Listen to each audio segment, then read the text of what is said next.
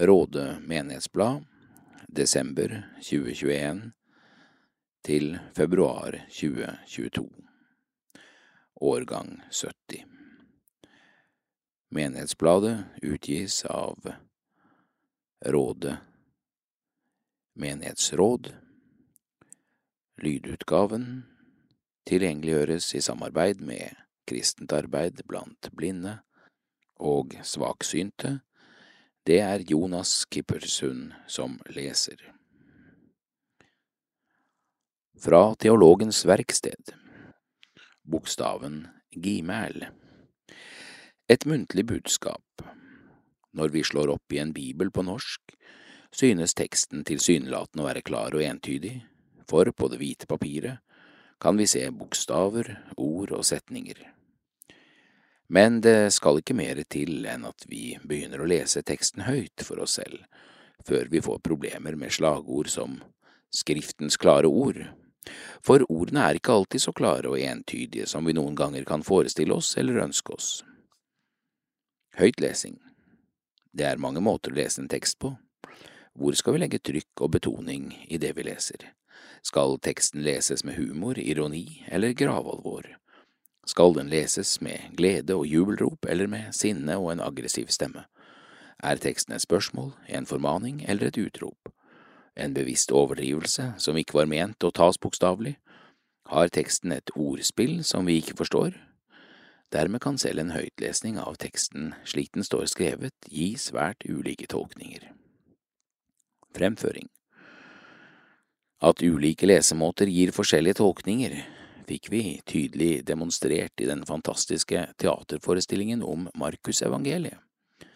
Her fremførte skuespilleren Svein Tindberg hele teksten nøyaktig slik den står ord for ord, setning for setning, men i måten han fremførte teksten på, tolket han den på sin helt spesielle måte. Jeg husker for eksempel beretningen om at Jesus mettet 5000 med fem brød og to fisker. Da løftet Tindberg hånden og liksom snurret de to fiskene rundt i luften. Ved å legge inn både sinne, aggresjon, latter, spøk, humor og ironi i måten å fremføre teksten på, var lesingen hele tiden en tolkning. Når den samme tekst leses med forskjellig humør eller veksling av trykk, ja, så blir straks det budskapet som formidles, annerledes. Dermed er det ikke lenger så entydig hva som står skrevet. Tolkning vi må altså fastslå at selv enhver lesning av Bibelen på norsk er en tolkning av den. Det er ikke uten videre gitt at den ene tolkningen er riktigere enn den andre. Når vi leser teksten høyt, blir vi også minnet om at store deler av Bibelen levde som muntlige fortellingstradisjoner lenge før ordene ble skrevet ned på en pergament eller papirusrull. Signert OB. Råde menighetsblad. Www.rade.kirken.no Redaksjonskomité Gjermund Lunder Wenche Bjørkå Lars Olav Freim Arne Leon Risholm. Utgiver Rådet menighetsråd. Bankgiro nummer 508205945530 NB Frist for innlevering av stoff til neste nummer er 8. februar.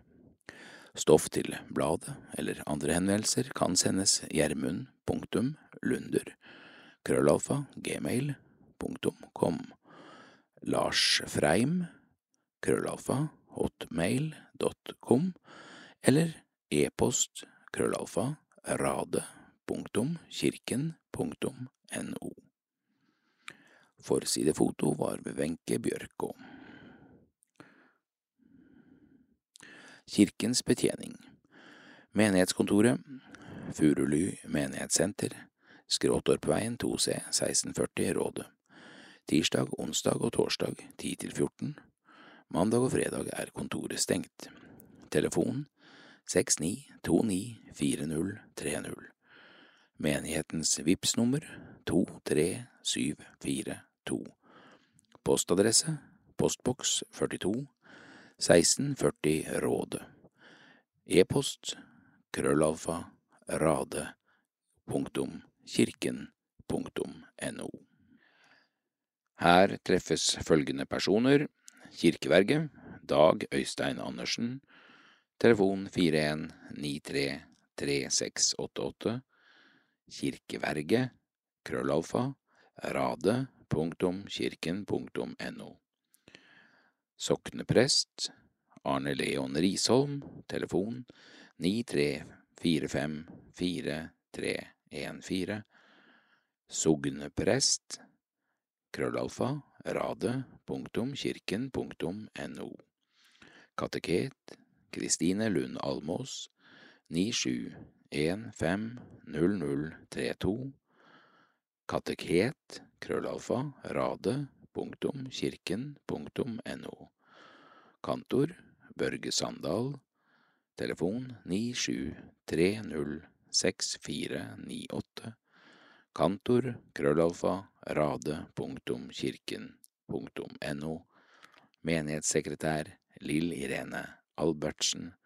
E-post krøllalfa rade.kirken.no Menighetssekretær vikar Eigil Vesnes 91827629 E-post krøllalfa rade.kirken.no Kirkegårdsarbeider Jan Kåre Tollefsen Telefon 91309708. Kirketjener krøllalfa rade.kirken.no Leder i menighetsrådet Hilde Freim. Freim punktum hilde krøllalfa gmail.com Leder i Kirkelig fellesråd Ragnhild Klevmoen Telefon 47168808 Klevemoen krøllalfa gmail.com Prestens penn Adventskransen Så er det adventstid igjen. Nedtellingen mot jul er i gang. Adventskransen, eller adventslysestaken, har til nå vært et vanlig innslag både i kirke, skole og i de fleste norske hjem i over hundre år. Tradisjonen kom fra Tyskland, der den startet på et barnehjem midt på 1800-tallet. Den første adventskransen hadde sannsynligvis fire store og 24 små lys, og det første lyset ble tent 28 dager før jul. Den stadig økende lysstyrken i adventskransen symboliserer at tiden nærmer seg da Han som er verdens lys, skal komme til jorden. Det er ulike tradisjoner for hvilken farge lysene skal ha. I Norge er det mest vanlig å bruke den liturgiske fargen, fiolett, men lysene kan også være hvite. I katolsk tradisjon bruker man gjerne tre fiolette og et rosa lys.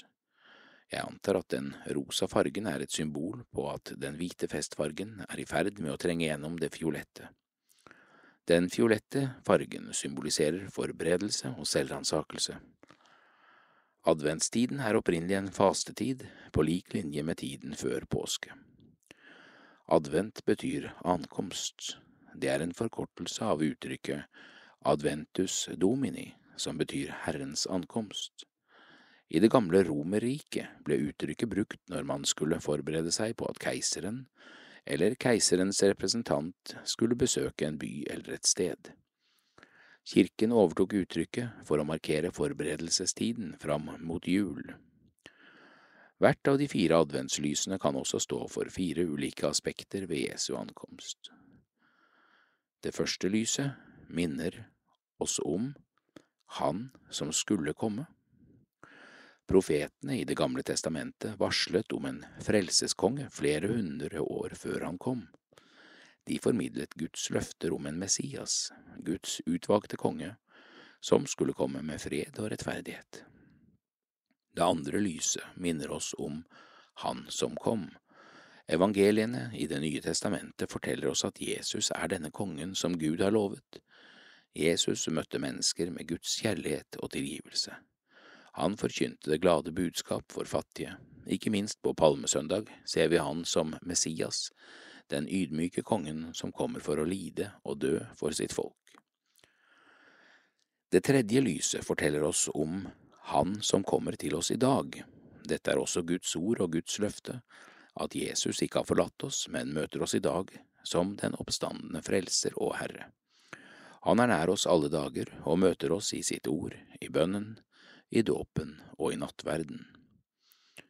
Det fjerde lyset forteller oss om Han som en dag skal komme tilbake, for dette er også en del av vår tro.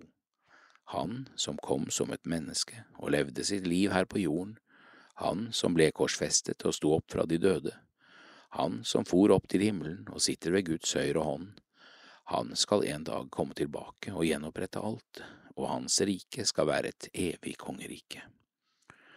Jesus er vårt lys og vårt håp. Han gir oss håp for dagen i dag, og for det som ligger foran oss. Riktig god advent og god jul til alle. Arne Leon Månedens bibelord Lukas 4, 18–19 Herrens ånd er over meg for han har salvet meg til å forkynne et godt budskap for fattige. Han har sendt meg for å rope ut at fanger skal få frihet og blinde få syn igjen, for å sette undertrykte fri og rope ut et nådens ord fra Herren. Julenattsbønn Si meg, løy de, Herre, disse englene som sang om fred på jord? Kan vi tro på sangen, eller er det ekko etter tomme ord? Var det ekte engler, eller var det bare drøm og fantasi i en fjern fortelling? Kan vi tro på ord om fred til evig tid? Tider går på jorda, men så ofte gjennom grå og trange kår, uten engleglitter, her hvor griskheten og fattigdommen rår. Kanskje misforsto vi det de prøvde å formidle i sin sang, i den fjerne natten over frosne, trette gjetere en gang. Var din fødsel, Herre, første gnist av håp i verdens situasjon? Var det første flammen i en ny og ganske stille revolusjon? Mens jeg lytter stille, synker ekkoet fra englesangen ned. Nå, mens stjerner hvisker, salige er de som skaper fred. Matteus 5,9 skrevet av Torunn Bjørnstad Båtvik. Norsk tidebønn Tidebønner har fått en ny aktualitet i vår tid, også på tvers av kirkesamfunnene. Vi vil her gjøre oppmerksom på en fersk tidebønnbok, Norsk tidebønn, som gir mer kunnskap om denne tradisjonen med røtter langt tilbake i tid. Boka vil inspirere til bruk av denne bønnetradisjonen i dag, den inneholder fire tidebønner for hver av ukens sju dager. Laudes, morgenbønn, sekst, middagsbønn, vesper, aftensang og kompletorium, kveldsbønn pluss ottesang på søndag. Fargefotografier av ikoner malt av Ove Grant Svele er plassert på egnede steder i boka. Praktisk brukerveiledning finnes først i boka. Tidebønnene består av davidssalmer, antifoner, hymner, bønner og nytestamentlige sanger som Zakarias lovsang, Marias lovsang og Simeons lovsang. Tekstene er forsynt med gregorianske melodier tilpasset norsk språk. Noen av hymnene har melodier fra norsk folkesangtradisjon. Agnar Sandviks bok Norsk tidebønn La oss alle be fra 1948 danner tekstgrunnlaget. Til kveldsbønnene er gregorianske melodier fra Sandviks antifonale til ukens aftenbønner 1949 benyttet.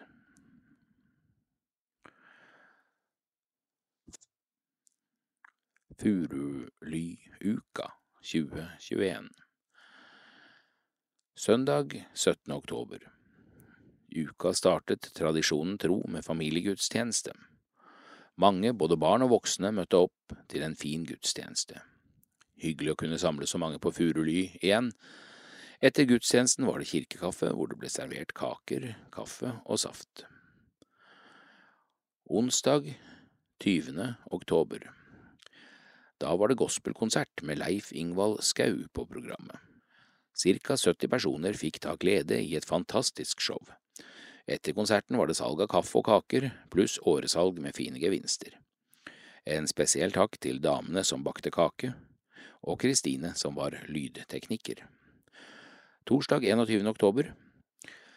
I år, som tidligere år, ble det gjennomført en storslått quiz på torsdagen i Furulydagene. Cirka 50 deltakere på syv lag konkurrerte om kunnskap over et bredt spekter av tema. Det var geografi, natur og vitenskap, sport, år som gikk, film og TV, mål og vekt, historie, kjente personer, quiz battle, kjenner du bildet, lett blanding, nasjonalsanger og anagrammer. Etter bra samling med tre lag i toppen gikk Team Moskvil av med seieren. Menighetsbladet gratulerer. Kvelden ble også i år trygt ledet av quizmaster Harald Roer. Kiosk samt rigging og rydding ble organisert av Råde Ys Menn. Fredag 22. oktober. Fredagskvelden var satt av til ungdommer i bygda. Kristine hadde valgt å ha ungdomsgudstjeneste og inviterte spesielt årets konfirmanter. Det ble en fin gudstjeneste med ungdommer som sang av full hals. Etter gudstjenesten kom Erik, som er buktaler og fremførte noen trylletriks. Det ble latter i salen og en vellykket kveld. Ungdommen fikk servert pølser og brus. Lørdag 23. oktober. Furulydagen var kommet, og komiteen hadde valgt å ha kafé med salg av rømmegrøt, vafler, kaker, gjærbakst, kaffe og brus. Bra oppmøte var det, og selv med tombola som gikk hele dagen, var det mange gevinster igjen da det gjensto en time. Da ble det åresalg, og resten av gevinstene forsvant. Hele uken ble avsluttet med trekningen av Furuly-lotteriet. Vi ønsker å takke alle som møtte opp, kjøpte lodd eller bidro på en eller annen måte slik at dette ble en vellykket uke. Hilsen Furuly-dagene-komiteen. Kirken skal ikke være en hemmelig tjeneste. Når biskop Atle Sommerfelt går av som biskop 30. november, kommer han aller mest til å savne alle møtene med mennesker. Du får gå inn i stuen, sier Sommerfelt og viser opp trappa i bispeboligen i Fredrikstad, hvor han har bodd med kona Marianne de siste ti årene. Nå skal de snart pakke sammen all kunst, bøker og ikoner stua er fylt av, og flytte tilbake til huset i Asker. 70-åringen er kjent for å ha stor kapasitet, og han får energi av å jobbe i høyt tempo. Akkurat det bekymrer ham litt med tanke på pensjonisttilværelsen. Jeg må nok legge en plan, jeg har jo vært leder i 30 år, og nå blir det betydelig mer stille rundt meg, sier han. Elske oss selv og vår neste.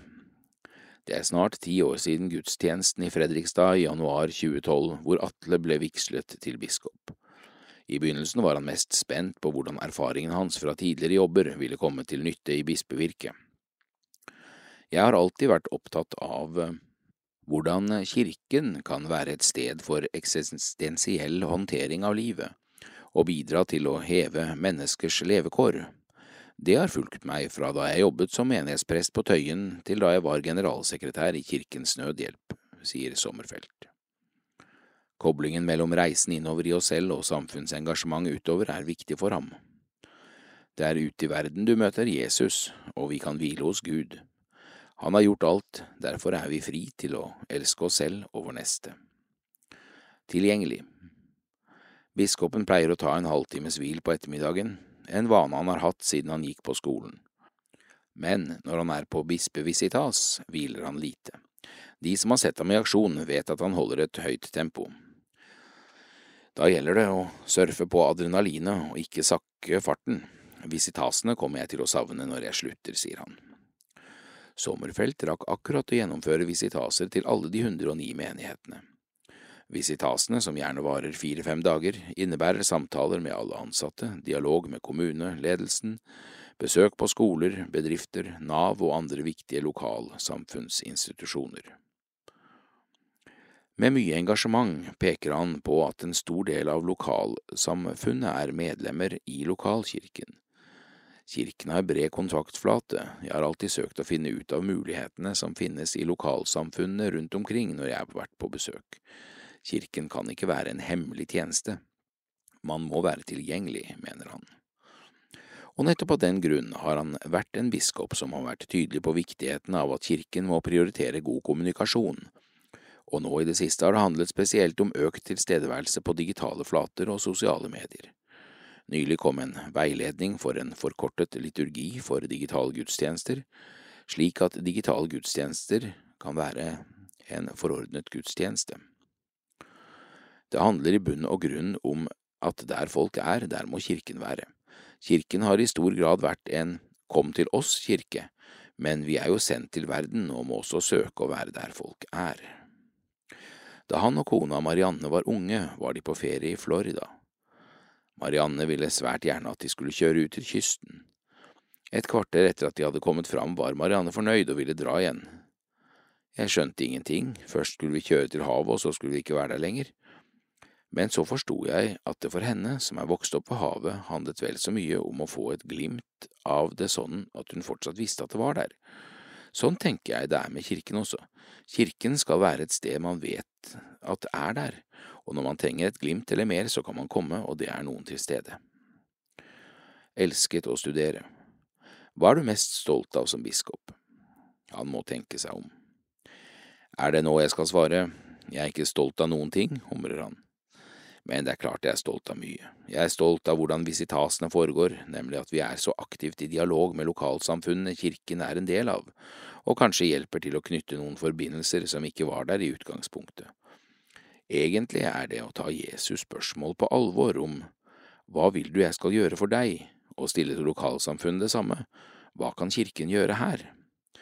Han er også stolt av Dialogforum Østfold, som er en forening eid og driftet av muslimske kultur- og trossamfunn og kristne trossamfunn og organisasjoner, som jobber for dialog og mot radikalisering. Han nevner også Håpets katedral, Hovlandfestivalen, Borg pilegrimssenter og den store satsingen på kommunikasjon i Borg bispedømme, Kommunikasjonsløftet.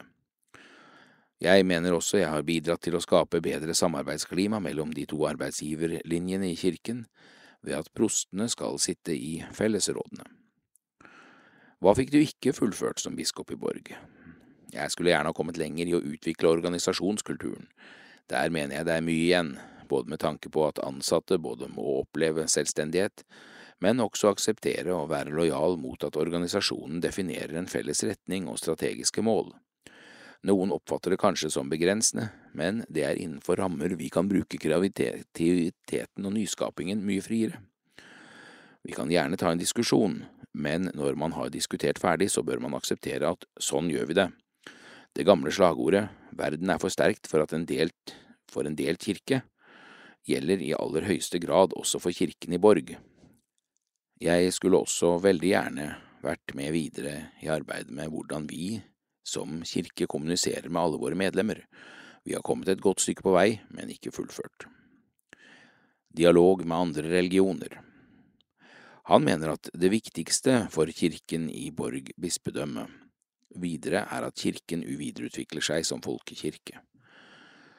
Kirken må ta alle sine medlemmer på alvor og være en livsløpskirke med religiøse markeringer for viktige begivenheter i livet. Kirken må bidra til at mennesker får mulighet til å leve ut sin religiøse lengsel, blir utfordret til levende tro og samfunnsengasjement og bidrar til gode levekår for alle. Jeg mener det er spesielt viktig i Borg at vi viderefører dialogen med andre religioner. Den norske kirke må bidra til godt naboskap og mangfoldighet uten å gi slipp på sin egen identitet. Første desember er siste dag på jobb. Jeg må nok passe meg litt for å ikke bli en sur gammel mann som mener mye om hvordan ting skal være i kirken. Men det kan hende jeg dukker opp som vikarprest her og der. Vi får se. Tre om biskopen. Endre Fyllingsnes, tidligere kirkefagsjef i Borch bispedømme, nå sokneprest i domkirken i Fredrikstad. Atle er engasjert, inspirerende, uredd og frimodig. Han har en enorm arbeidskapasitet og glede, tjenesten som smitter over på oss andre. Det har jo oppstått noen morsomme situasjoner under enkelte visitaser der Atle visste mer om kommunene enn de kommunale lederne, som kanskje ikke var så godt forberedt. Som biskop har Atle hatt en unik evne til å se, snakke med og gi oppmerksomhet til de som ikke har status, stilling eller stikker hodet mest frem.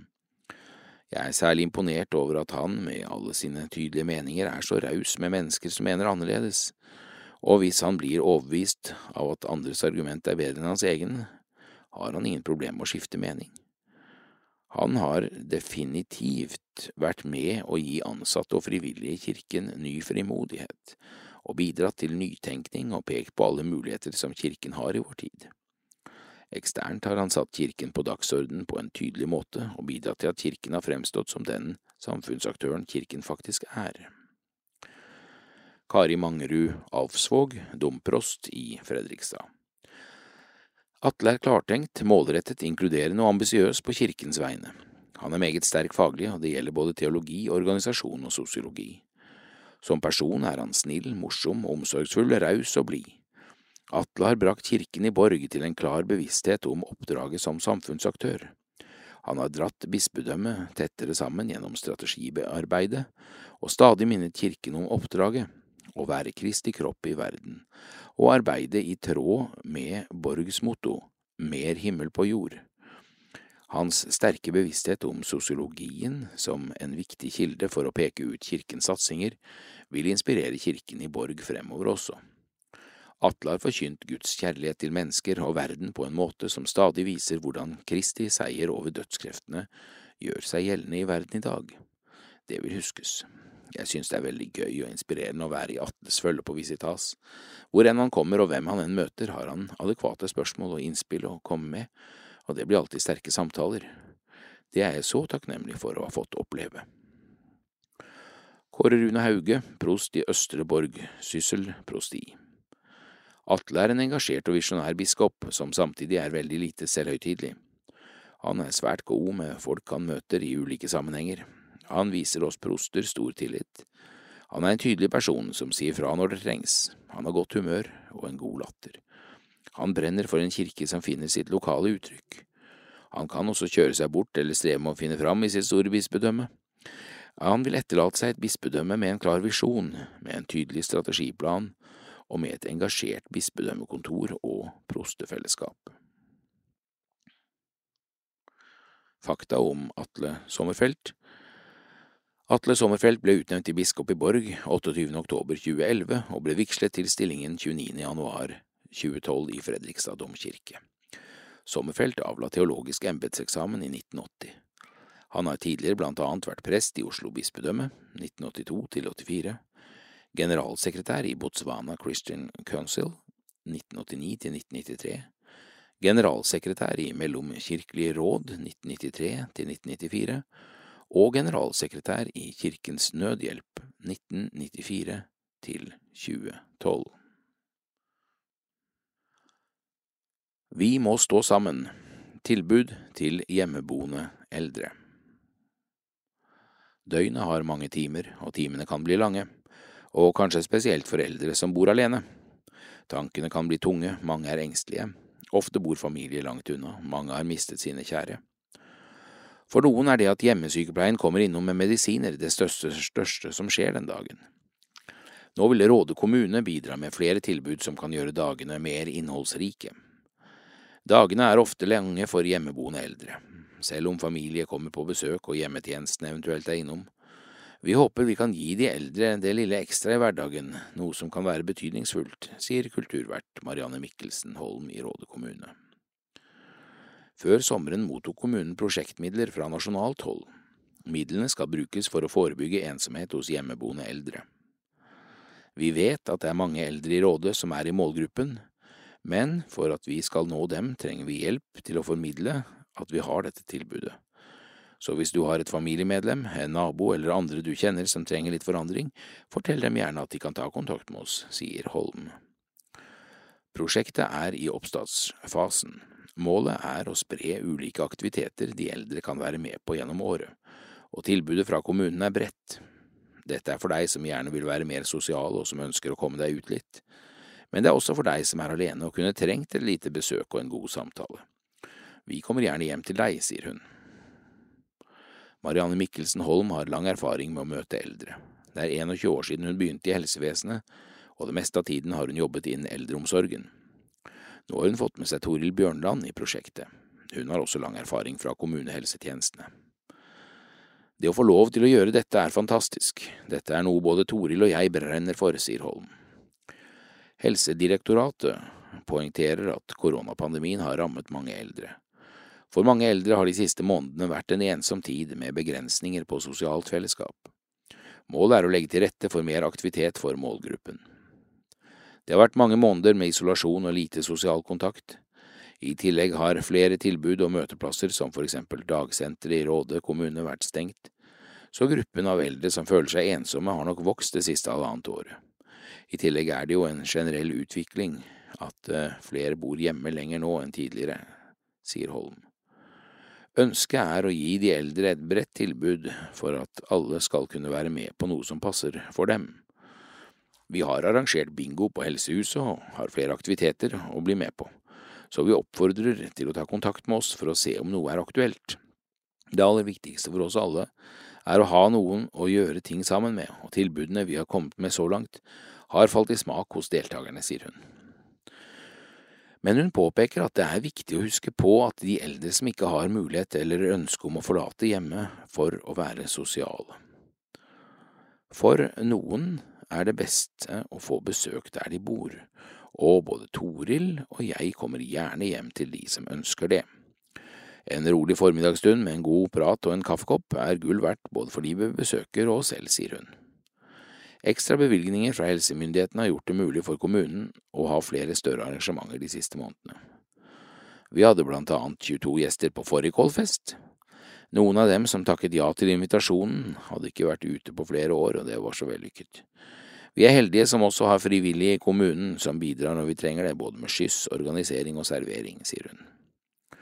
Prosjektet er i første omgang tidsbegrenset, men Holm håper dette vil være tilbud som varer.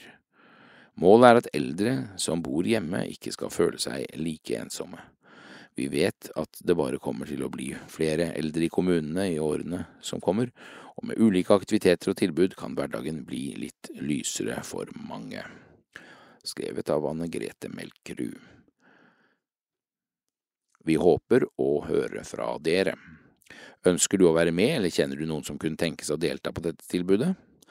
Vær snill og videreformidle for oss. Ta kontakt med kulturvert Marianne Mikkelsen Holm på telefon 47472492, eller send en e-post til marianne.mikkelsen rade.kommune.no. La Grace få fylle fem år av Anette Torjussen. Akkurat nå ligger Grace trygt i armene til mamma, bare en dag gammel. Omfavna av morskjærleik og nærleik etter en god og trygg fødsel. De verre er tala dystre. Mange barn i Afrika lever aldri til de blir fem år. Innst i kroken på fødeavdelinga hører vi små, forsiktige grynt. Når vi kikker inn, ser vi at det er Grace som er i ferd med å våkne. Hun ligger trygt i favnen til mamma på ei av sengene i salen. Bare timer har gått siden hun ble født. Jeg kjenner meg så lykkelig. Grace er det første barnet mitt, og det er så mye større enn jeg hadde forestilt meg. Jeg håper hun får ei trygg og god framtid, det er alt jeg ønsker meg, smiler mamma. Anita Lamisoni, 24. Høge dødstall. Grace er født i Malawi, på fødeavdelinga til helsesenteret Mvatarika, som Kirkens Nødhjelp har bygd. Alt er godt og trygt for Grace nå, men utenfor veggene venter et hardt liv og en beinhard statistikk.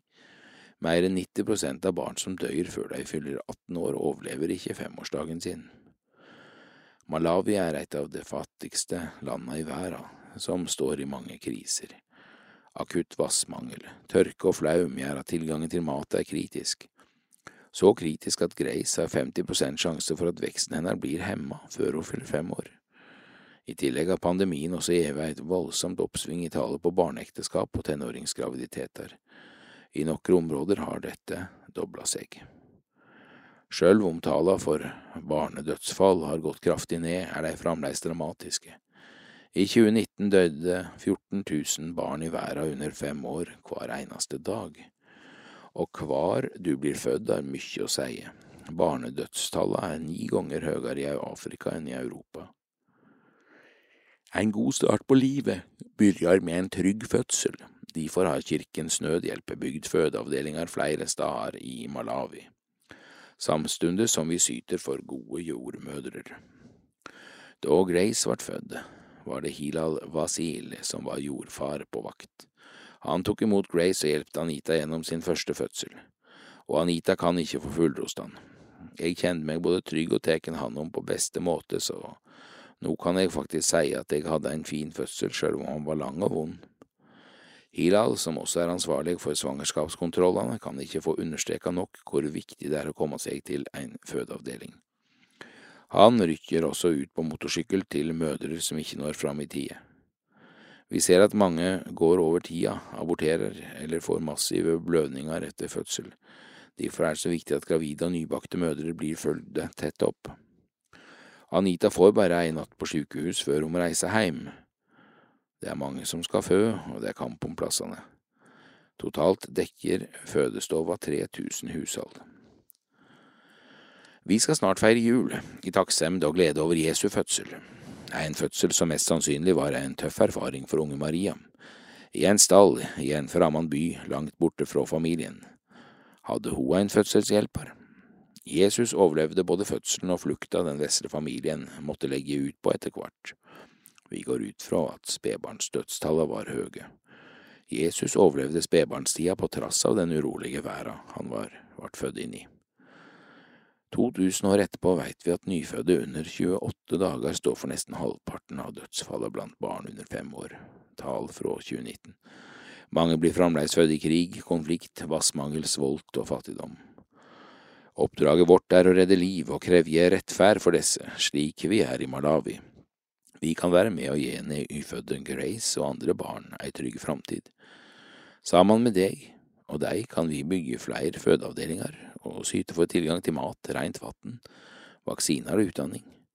Sammen for andre, slik at flere får fylle fem år.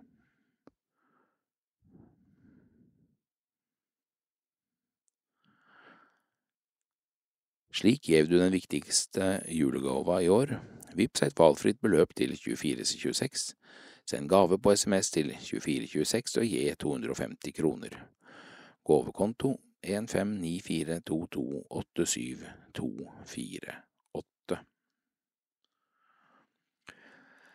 Serie for ungdom Løvetannsang del tre av ti Om løvetannsang av Hilde Hagerup.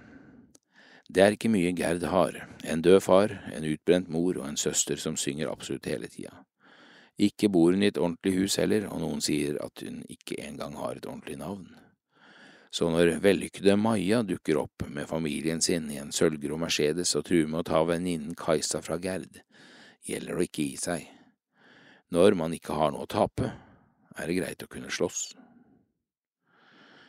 Det var Maria som åpna, hun hadde arbeidsbukse med hvite malingflekker på knærne og en rutete skjorte med ermene bretta oppover albuene.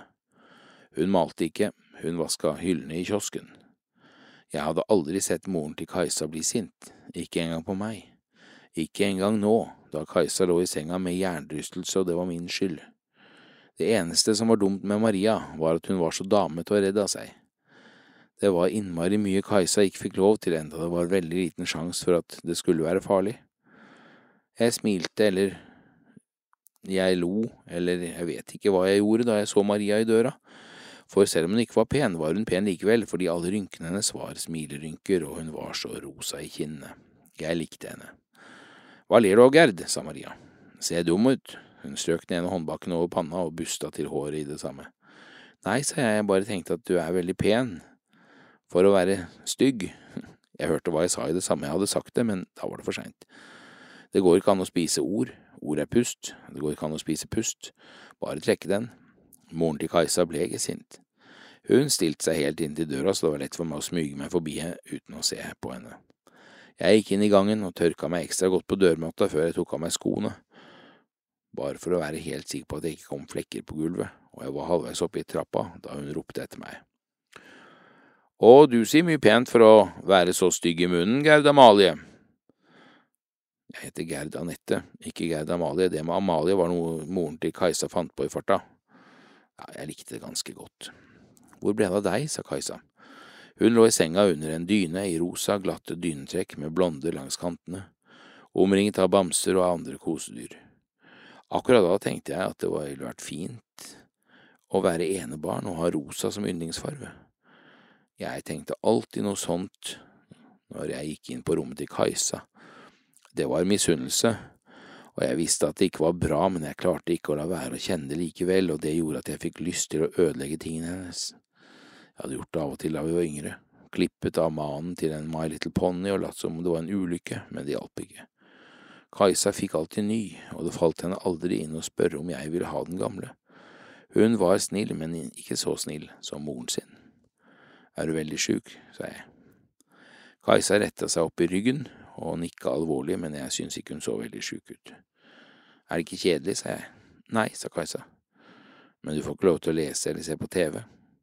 Jeg satte meg på sengekanten og putta et av Kajas kosedyr i fanget.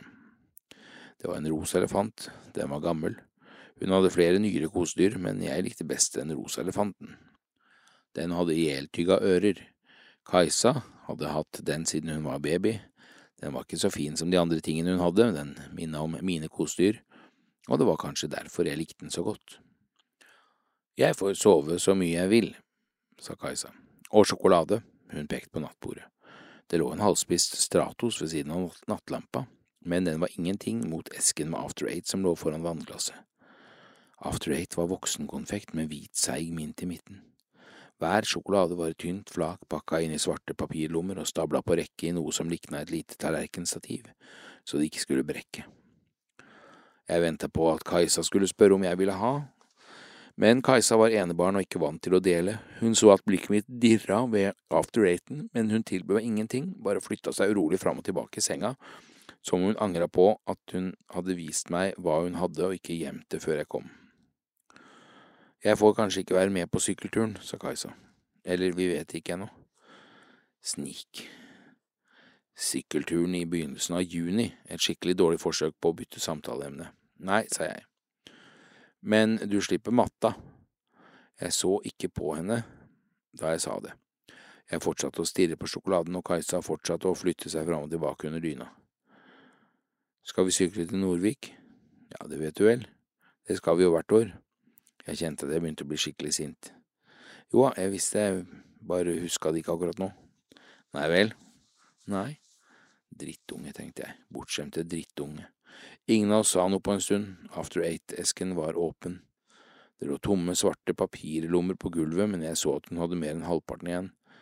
Kajsa, Kajsa vrei seg og vrei seg under dyna. Nei, oi, unnskyld. After Eighten falt i gulvet med et lite dunk, og vannglasset falt etter. Dessverre knuste ikke, men det var fullt nok til at sjokoladen ble god og bløt. Det gjør ikke noe, sa Kajsa letta. Det var bare vann. Jeg plukka opp de våte sjokoladene og la dem på nattbordet hennes. Det var først da jeg så det lå et god, godt, god bedringskort under esken. Hvem har du fått dem av? Kajsa så på meg og smilte så smilehullene kom til syne i kinnene, og jeg var plutselig ikke sikker på om hun skjønte at jeg hadde velta sjokoladene med vilje. Jeg har fått dem av Maja, sa Kajsa. Det jeg ikke skjønte, var hva som hadde skjedd med fiskestanga, for jeg så i kottet to dager etter ulykka, den dagen pappa skulle fylt 30. Da var ikke stanga der. Jeg visste at det måtte være Siv som hadde tatt den ut, men det var ikke likt henne. Hun var ikke noen snill søster, selv om hun var snill mot voksne. Likevel trodde jeg ikke at hun ville gjort noe sånt. Jeg måtte tenke gjennom det mange ganger før jeg fant ut hvordan det kunne ha skjedd. Kanskje pappa svingte henne rundt likevel, kanskje han svingte henne rundt da han løfta henne ned fra kjøkkenbenken, og så var hun så glad og kvalm på en gang, og så klarte hun ikke å holde seg. Pappa, skal jeg vise deg noe? Hva da? Det er egentlig hemmelig. Jaså, du skal egentlig ikke få vite før om dag, to dager, men se her. Siv åpna døra til kottet, og der sto stanga til pappa. Den nye fødselsdagsstanga. Jeg vet ikke hvem av dem det var som bestemte at de skulle ta den med seg, men de tok begge både den nye stanga og den gamle, og de kjørte ut i den gule båten, den båten som fra nå av skulle være deres båt, og når jeg hata Siv fordi alle syntes synd på henne, tenkte jeg at det var hennes skyld at båten hvelva. Den kantra fordi Siv begynte å krangle om å få låne pappas nye stang. Noen ganger når mamma og Siv satt i stua og snakka lavt, og jeg ikke fikk lov å komme inn, tenkte jeg at det var det de snakket om. Mamma sa at det ikke var Sivs skyld, og da sa Siv det med stanga. Jeg ville bare låne den nye stanga, hviska Siv. Og så begynte hun å synge og grine, og jeg likte å tenke at det var sånn det var. At det ikke bare var synd på Siv, men det var litt hennes skyld også, det som hadde skjedd. Men jeg visste jo ikke, det var bare noe jeg tenkte meg. Mamma og Siv satt i stua, og jeg fikk ikke lov til å komme inn, og når jeg la hodet mot stuedøra, hørte jeg aldri hva de sa. Jeg hørte bare mumling og musikk. Maja er veldig hyggelig, forklarte Kajsa. Kajsa hadde fått lov til å gå ut i hagen av legen, og nå satt vi der og spiste brødskiver med leverpostei og agurk. Men du kommer ikke til å like henne. Hvorfor ikke? Hun er ikke noe for deg. Det vet vel ikke du? Jo, hun er ikke så voldsom, hun er ikke sånn som liker å løpe hele tida. Hva liker hun, da? Hun liker å gjøre rolige ting, spille spill og sminke seg. Hun skal bli med ut med snekka neste søndag, i hvert fall. Familien til Kajsa hadde ikke snekke, de hadde et stort hus med kiosk, to etasjer og morelltrær i hagen, men de hadde bare en liten blå plastbåt, for faren til Kajsa var ikke glad i vannet. Tror jeg ikke noe på, sa Kajsa. Hæ? Jeg spurte om hun kjente deg, og hun sa nei. Pø, jeg spurte henne i går, faktisk. Jeg kjente at jeg ble rød i ansiktet. Jeg ble kjent med henne i går kveld, sa jeg. Jeg var flink til å ljuge, men ikke så flink til å ljuge til Kajsa. Hun pleide ikke å late som hun trodde meg heller. Jaså, ja, du kjenner henne ikke. Jeg reiste meg uten å svare. Du ljuger, sa Kajsa. Jeg tok på meg jakka og plukka opp sandalene jeg hadde slengt fra meg i gresset. Spennende gled mellom fingrene mine, jeg fingra med dem mens jeg begynte å gå mot skogholtet. Jeg måtte finne Maja og bli kjent med henne og spørre om hun ville være med ut med snekka på søndag, det var dødsviktig. Det var dødsens viktig, jeg spurta hele veien fra kiosken og opp rellingen. Er hun hjemme? spurte jeg. Maja? Hei, svarte en stemme bak meg. Jeg kvakk til, snudde meg og så en gutt med svart hår og grønne øyne. Han hadde kommet bak meg uten at jeg hadde merket det. Han var kanskje to år eldre enn meg, like gammel som Siv, men jeg hadde aldri sett ham før. Jeg kjente han igjen likevel. Det var noe med nesa eller haka, eller kanskje det var panna og kinnbeina. I hvert fall var det noe ved ham, han likte han på noen, og den han ligna på, var Maja. Bortsett fra at han hadde noen svarte dun på overleppa, begynnelsen på bart. Var det noe? Stemmen hans var mørk. Det var rart, for stemmene til gutta i klassen til Siv spratt opp og ned som ustemte fioliner, og man visste aldri når det kunne komme til å gå opp i fistel, men han her hadde full kontroll. Jeg ser etter Maja, sa jeg. Mamma, pappa, Maja, dere må komme, det er noen her. En jente. Nei, jeg vet ikke. Ikke Karine Maria. En annen.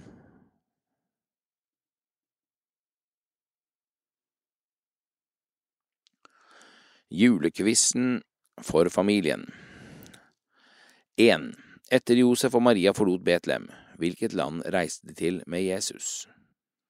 2. Hvilken farge er det på bærene som er på misteltein? 3. Hvor mange kanter har et snøflak? 4. En av verdens mest kjente brusselskaper bruker julenissen i sine reklamer. Hvilket selskap er det?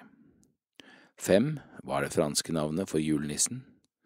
Seks hvilke gaver ga de tre vise menn til Jesus? Syv hvilket land sender et stort juletre til London hvert år som tradisjon? Åtte hvem hadde hovedrollen i filmen Jingle All The Way fra 1996? Ni hvem har laget sangen Last Christmas? Ti når ble det første julekortet sendt? Elleve hva er God jul på spansk? 12. Hvor mange reinsdyr har julenissen? 13. Hvilket land startet først å bruke juletre? 14. Hvem oppfant elektriske julelys? 15. Hvilket land eksporterer mest juletre i verden? 16. Har julenissen en kone? 17. Hvorfor er julelys hvit og eller rød i farge? 18. Ifølge Bibelen ble Jesus født i en prikk, prikk, prikk. 19. Hvilken norsk artist synger sangen Home for Christmas? 20. Hvorfor feirer vi jul? 21. Hvilken sang kommer denne frasen fra? Engler daler ned i skjul. 22. Hvilken dag åpnes julegaver i Norge? 23. Hvilken søtsak som er basert på en nøtt, hører julen til? 24. Hvilken sitrusfrukt er populær i juletider? Svar på julequiz. 1. Egypt 2. Hvit 3. Sex 4. Coca-Cola 5. Pere Noel 6. Gull, røkelse og myrra Ekstrapoeng hvis man kan svare på hva myrra er. 7. Norge 8. Arnold Schwarzenegger 9. Wam 10. Det ble sendt i 1843 av John Horsley 11. Feliz Navidad 12. 9. 13. Tyskland 14. Thomas Edison i 1880 15. Canada 16. Ja 17. Det hvite symboliserer Jesus' renhet, mens rød symboliserer blodet Jesus ofret for oss. 18. I en stall 19. Maria Mena 20. Vi feirer jul fordi Jesus ble født. 21. Glade jul. 22. 24. desember. 23. Marsipan. 24. Clementin. Legenden om de fire adventslys Fire lys brant på adventskransen. Det var helt stille, så stille at man kunne høre lysene snakke til hverandre. Det første lyset sukket og sa, Mitt navn er Fred, jeg skinner så klart, men menneskene vil ikke ha fred, de vil ikke ha meg. Lyset ble mindre og mindre, til slutt sluknet det helt. Det andre lyset sa, Mitt navn er Tro, men jeg er blitt overflødig, menneskene vil ikke vite av Gud lenger, det er meningsløst at jeg brenner. Så sluknet det andre lyset. Bedrøvet og med lav stemme sa det tredje lyset, Mitt navn er Kjærlighet. Jeg eier ikke lenger kraften til å brenne. Menneskene overser meg, de ser bare seg selv og ikke andre rundt seg, som de skulle elske. Så også det tredje lyset sluknet. Et barn kom inn i rommet, så på lysene og sa med øynene fulle av tårer, Dere skal da lyse og ikke slukne. Da hørtes plutselig stemmen til det fjerde lyset. Vær ikke redd, mitt navn er Håp, og så lenge jeg brenner, kan vi tenne de andre lysene. Barnet fant frem en fyrstikk, og ved hjelp av håpets flamme tente det alle de andre lysene igjen. Julaftens barnekor Har du lyst til å synge i kor på julaften i Råde kirke klokken 14? Går du på barneskolen første til sjuende trinn? Da kan du komme til Furuly menighetssenter torsdag 16. desember og tirsdag 21. desember klokken 17 til 19. Hvis du har lyst til å være med, er det bare å ringe Kristine på 971 50 032, eller sende mail til kateket krøllalfa rade.kirken.no. Vi gleder oss. Hilsen Kristine Kateket. Råde idrettslag stiftet 1929. Fest. Fysisk aktivitet etter skoletid. FEST er for skolebarn i andre til sjuende klasse på Karlshus og Spettdalen skole i regi av Råde idrettslag. Barna blir hentet ved skoleslutt og blir servert varm mat eller et brødmåltid. Åpningstider er mandag til torsdag fra skoleslutt til klokken 16.45. Vi setter av tid til lekser og frilek, samt rullerer på de forskjellige idrettene Rådet idrettslag kan tilby. Dette er fotball, håndball, tennis, innebandy og e-sport. Utover dette er det annen lek og aktivitet for barna. Fest skal skape bevegelsesglede gjennom variert aktivitet. Vi har nå ca 40 barn og ønsker gjerne flere for å øke kvaliteten på tilbudet. Vi har tro på at dette tilbudet kan gjøre en forskjell for barns helse, både fysisk og psykisk. Vi har tiendeklassinger som jobber som assistenter ca fire dager i måneden hver. Tilbudet følger SFO-priser. Avskjedsgudstjeneste med kirkekaffe 5. desember er det tid for å ta avskjed med Per-Willy som vår kapellan i rådet gjennom mange år. Det blir gudstjeneste i Råde kirke klokka elleve, med påfølgende kirkekaffe på Furuly. Håper mange finner veien til kirken denne dagen. På kirkekaffen blir det også rom for å komme med en hilsen til Per-Willy. Eldrebølgen i Råde. Mosseveien 10 1640 Råde, telefon 69280000 Post krøllalfa ebir.no bindestrek www.ebir.no Vi holder til i andre etasje over apoteket i Karlshus, seniorkafeen med trappeheis, er åpen klokken 10.30 til 14.00. Stengt på torsdager og søndager. Vi har nyoppusset lokale til utleie. Dager vi har åpent tirsdag, fredag og lørdag. Kontingenten for 2022 250 kroner ønskes innbetalt innen 31.12.2021 for dem som har mulighet på konto 108020354517 eller i kafeen. Medlemmer som har, som ikke har vært medlemmer hos oss på ett eller to år, ønsker vi at svært gjerne at registrerer seg som medlemmer igjen. Desember, fredag tredje, julefest på Bøndenes hus klokken 17. Pris 200 for medlem, 400 for ikke-medlem. Påmelding på kafeen i dagene før. Kafeen er stengt 3. desember. Torsdag 9. trekning på julebasaren klokken 17. Fredag 10. varmmat. Lørdag 11. Siste åpningsdag før juleferien, god jul. Januar. Mandag 3. Vi åpner igjen. Se for øvrig vår hjemmeside www.ebir.no. Kontakt telefon 951173736. Februar onsdag 16. årsmøte. Råde Ys mensklubb 11. januar klokken 19.00 Arne Leon Risholm Mitt presteliv 1. februar klokken 19.00 Dag Aspelund Mitt Karlshus 22. februar klokken 19.00 Ida Marie Lundeby Rabarbrasaft fra Lundeby gård. Velkommen, styret. Ønsker du noen å snakke med? Her er noen gode alternativer.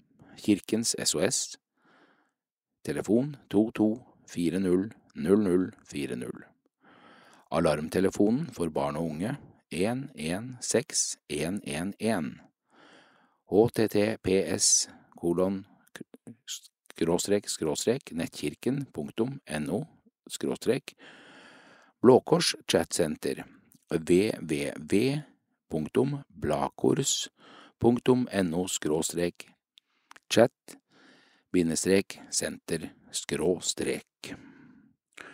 Familiemiddag Yes, vi starter opp igjen med familiemiddag på Furuly den 10. januar klokken 16.30 til 18.00. Datoene for våren blir 10. januar, 7. februar, 7. mars, 4. april, 2. mai og 30. mai. Håper alle dere som var med på familiemiddag før koronaen stanset oss, kommer tilbake, pluss mange flere. Det blir en enkel middag, lek med barna og en samlingsstund til slutt. Velkommen.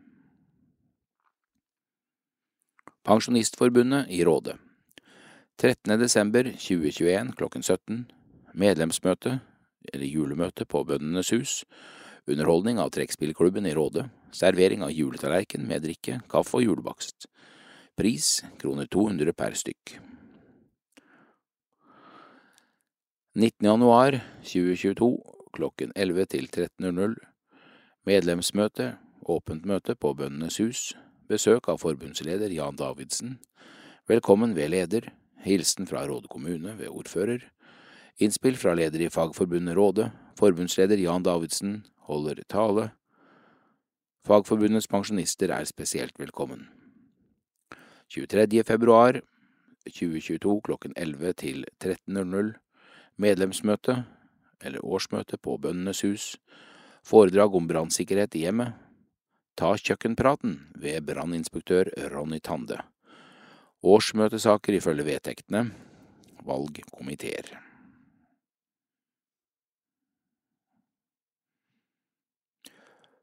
Furuly Desember 6. desember barnesang klokka 17. 7. desember tweens klokken 18. 14. desember menighetsråd skråstrek fellesråd klokken 18. 15. desember KFUK-møte klokken 19.30. I januar 10. januar familiemiddag 16.30. 11. januar Råde Ysmensklubb 18.00. 17. januar Babysang oppstart klokken 11.00. Barnesang oppstart klokken 17.00. 19. januar KFUK-møte klokken 12.00. 21. januar Tweens 18.00. 31. januar babysang klokken 11.00 og barnesang klokken 17.00. Februar 7. februar familiemiddag klokken 16.30. 14. februar babysang klokken 11. Barnesang klokken 17. 16. februar KFUK-møte 12.00. 18. februar Tweens klokken 18.00. 22. februar Råde Ysmenns klubb 18.00. 28. februar babysang klokken 11.00 og barnesang klokken 17.00. Råde helsehus i desember. 19. desember gudstjeneste klokken 11.00 januar. 4. desember andakt i storstua klokken 11.30. 18. Desember, januar andakt i storstua 11.30. I februar 1. februar andakt i storstua klokken 11.30. 15 februar andakt i Storstua klokken 11.30. Efata www.efata.no Desember 2. desember temakveld om Midtøsten klokken 19.00. 12. desember lysfest med Ekko og Helge Heen 17.00. 15. desember stille stund klokken 19.00. Januar 2. januar juletrefest klokken 17.00. 11. januar Kvinneforeningen klokken 18.30. 14. januar Fredagsklubben 5. til 7. klasse klokken 19.00. 16. januar søndagsmøte med Tore Krokstad klokken 18.00. 18. januar Stille stund klokken 19.00. 20. januar Temakveld ved Svein Svein Høyden 19.00. 26. januar Sangkafé, bli med og syng, klokka 19.00. 28. januar Fredagsklubben 5.-7. klasse klokken 19.00. 30. januar Familiemøte klokken 17.00. Februar 3. februar Temakveld Markusevangeliet 19.00. 8. februar Kvinneforeningen 1830. 11. februar Fredagsklubben 5.-7. klasse klokken 19.00. 14. februar Damenes aften klokken 19.00. 15. februar Stille stund klokken 19.00. 20. februar Søndagsmøte klokken 18.00. 23. februar Sangkafé Bli med og syng 19.00. 28. februar Årsmøte klokken 19.00. Missingmyra i desember. 4. desember Tweens-lørdag klokken 18.00. 6. desember Miss Mini klokken 17.30. 7. desember Nordmisjonsmøte klokken 19.00. Januar 6. januar Hellig tre kongers fest for hele familien klokken 17.30. 15. januar Tweens-lørdag klokken 18.00. 17. januar Miss Mini klokken 17.30. 29. januar Tweens-lørdag klokken 18.00. 31. januar Miss Mini klokken 17.30. Februar 1. februar Nordmisjonsmøte klokken 19.00. 12. februar Tweens-lørdag klokken 18.00. 14. februar Miss Mini klokken 17.30. 28. februar Miss Mini 17.30.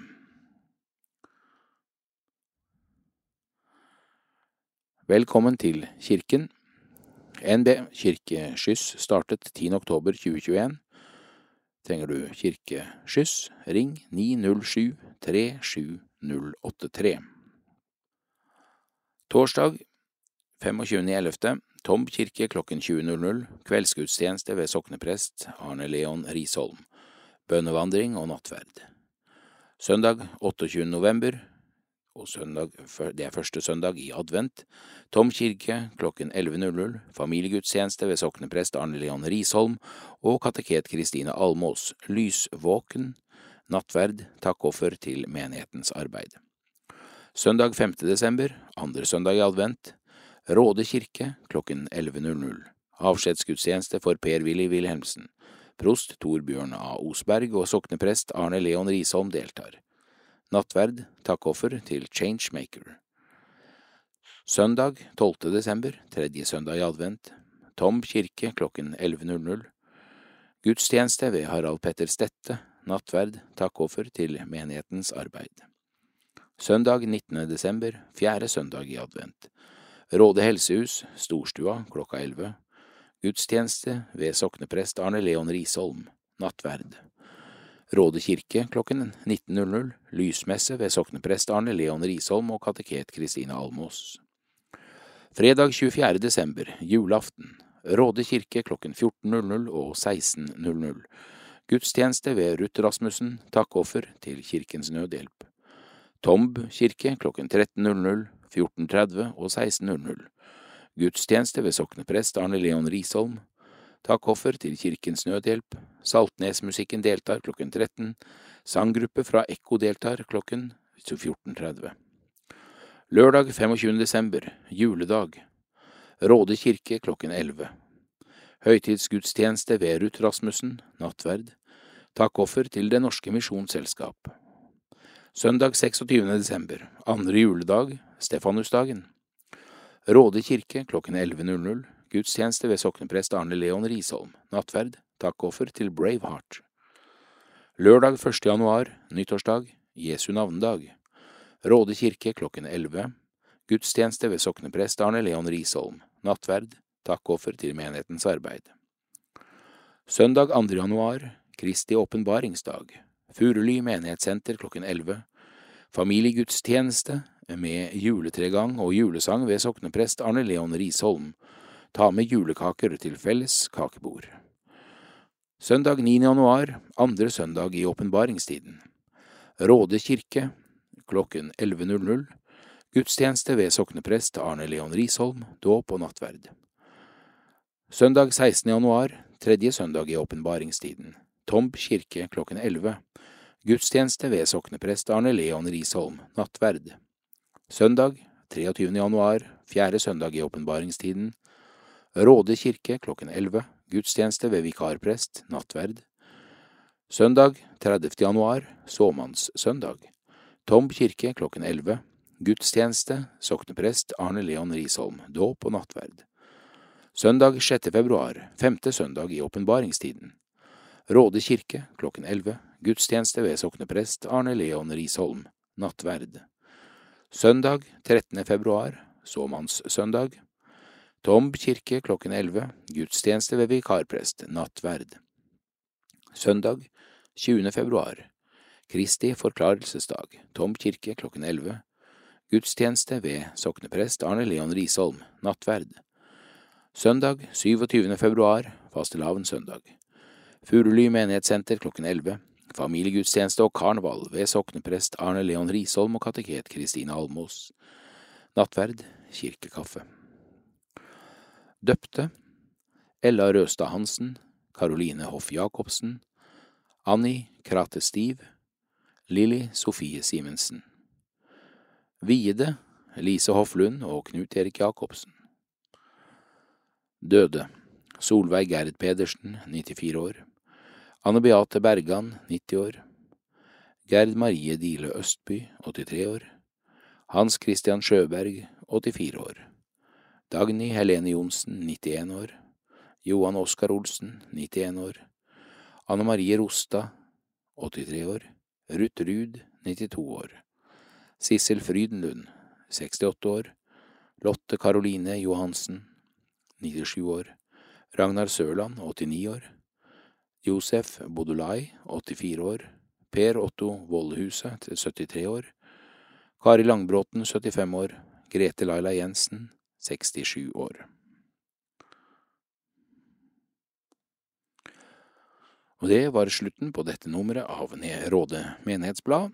Neste nummer kommer ut mellom 26. februar og 3. mars 2022.